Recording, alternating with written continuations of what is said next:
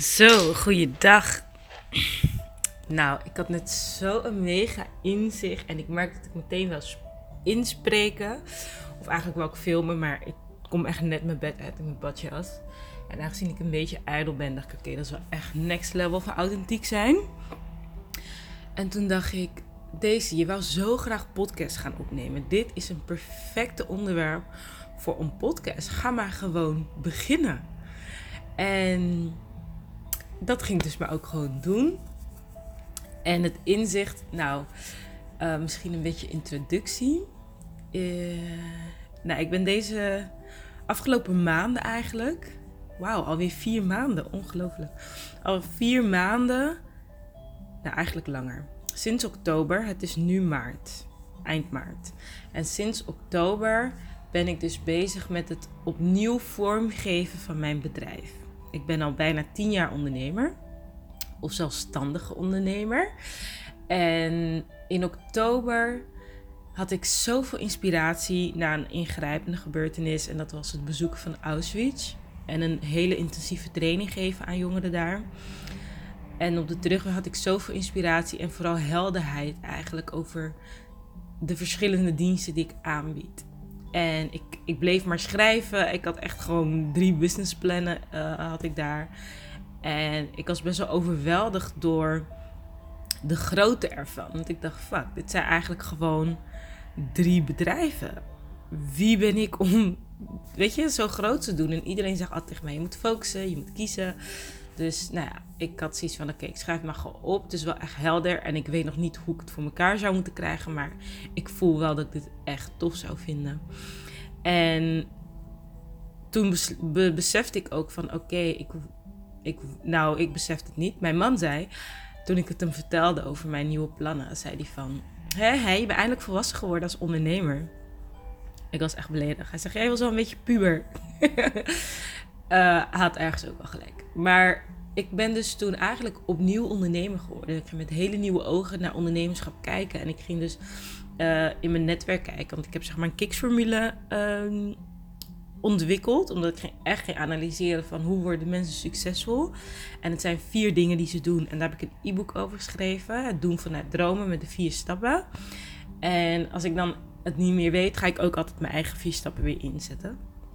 En toen was het oké, ga dus uh, om je heen kijken en vraag aan mensen uh, wat zij weten. Want blijkbaar weet ik nog iets niet. En er zijn mensen die het wel weten. En als je ze dus gaat vragen om hun kennis, dan heb je ook die kennis. Nou, en zo ben ik dus al maanden bezig. Ik heb ook een business coach ondertussen. Um, en nou ja, ik ben wel gewoon lekker bezig. Ik ben ook naar een driedaagse seminar gegaan over vrouwelijk ondernemerschap. Omdat ik, ik wil het graag altijd authentiek houden. Het moet wel eigenlijk bij mij passen. Dus het moet, er moet ruimte zijn voor de vrouwelijke energie. Er moet ruimte zijn voor spiritualiteit. Er moet ruimte zijn voor creativiteit. En uh, er moet überhaupt ruimte zijn om gewoon te kunnen ja, filosoferen, creëren en dan manifesteren, zeg maar. Dus gisteren had ik een dipdag. Want toen ging ik heel erg in mijn mannelijke energie. Ik had bedacht van, nou, hè, deze, jij werkt toch met de law of attraction. Je hoort het al aan mijn stem. Ik ging mezelf dus zomaar uitdagen en zo. En uh, nou, dan moet jij binnen zes weken 20.000 euro kunnen manifesteren. Dat kan jij toch? Nou, ga het maar lekker doen. Nou, dat resulteerde dus in een serieuze dip. Um, leek ergens anders over te gaan. Want ik zat vooral niet. En hoe kan ik nou van betekenis zijn? En wat doe ik nou? En ik moest woorden vinden voor een van mijn concepten. Want ik dacht, nou ja, dit is het concept. Als ik die dan uh, vier keer verkoop, dan heb ik, heb ik mijn doel behaald. En meer zelfs. Dus ik ging daar helemaal voor in. Maar de intentie was natuurlijk niet zuiver. Dit was, ik wil geld verdienen. En ja, dat werkte dus gewoon niet. Ik was helemaal in conflict met mezelf.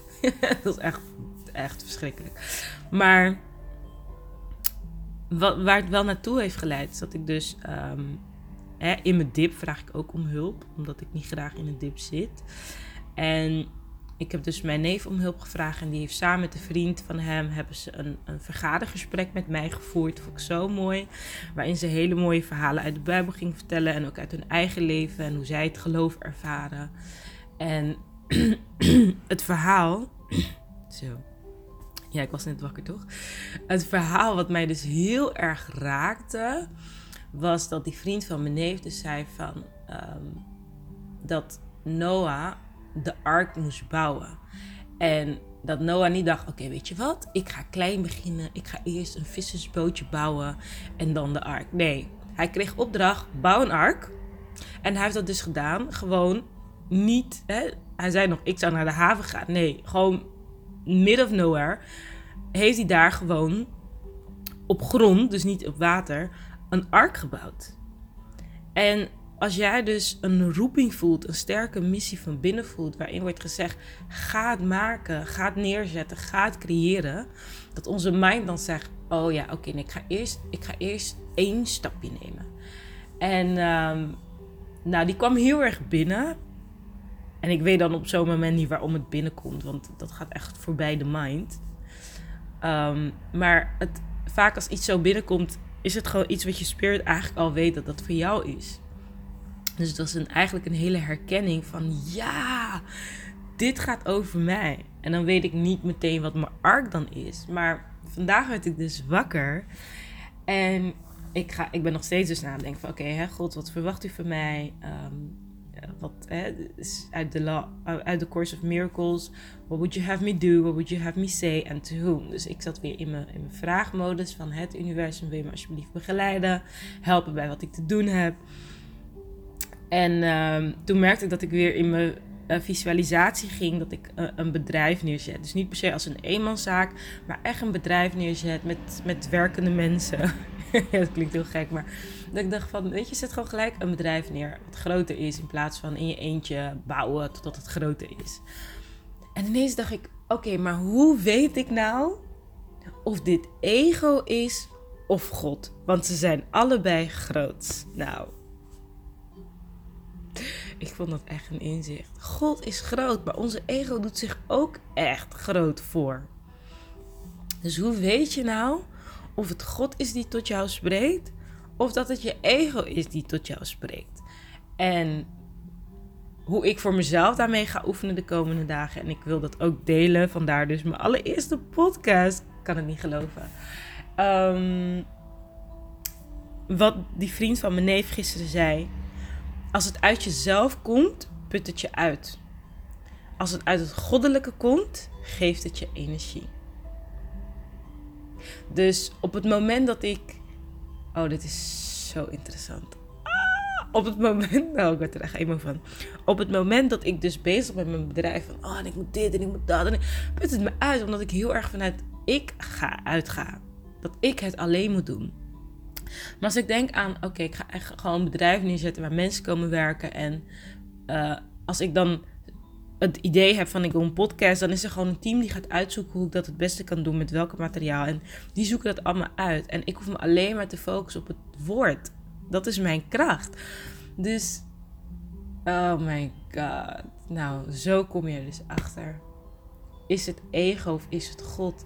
Als het ego is, dan put het je uit. En als het God is, geeft het je energie. Heel veel succes met het ontdekken van de grootste dingen in jou. geeft het je energie of put het je uit? Dat is wel een hele belangrijke. Ik wens je er heel veel inspiratie mee en laat me weten hoe het voor jou is gewoon. En ik ga kijken hoe ik dit in de lucht ga krijgen, want ik neem het nu gewoon op via mijn telefoon krijg er energie van. Dus ik weet dat het wel goed komt. Het is niet dat ik in paniek raak. Ah, hoe moet ik het gaan doen? Het is in ieder geval geluid. Ik kan er ook een plaatje overheen doen. Dan heb ik een YouTube kanaal. Dus uh, een YouTube video. Dus hoe dan ook. Ehm, let op. Hoe weet je of het je ego is of dat het God is? Ze zijn allebei groot. Alleen van de ene krijg je energie en de ander put je uit. De ene geeft hoop en de ander beangstigt. De een is voor zichzelf en de ander is voor het grotere geheel. De ene geeft voldoening en de andere geeft werk. De ene voel je, de ander denk je als ik het bereik, ga ik het voelen. De ene komt van echt diep van binnenuit en voelt meer moeiteloos. En de ander voelt als, ook als binnenuit voelt het, hè, meer wilskracht. En ik ga de moeite voor doen. Maar het idee van ego is, ik ga de moeite voor doen, want dan word ik beloond. Of dan word ik gezien. Dan word ik gehoord. Dan mag ik er zijn. Terwijl het goddelijke is er al. Het is namelijk wie je bent.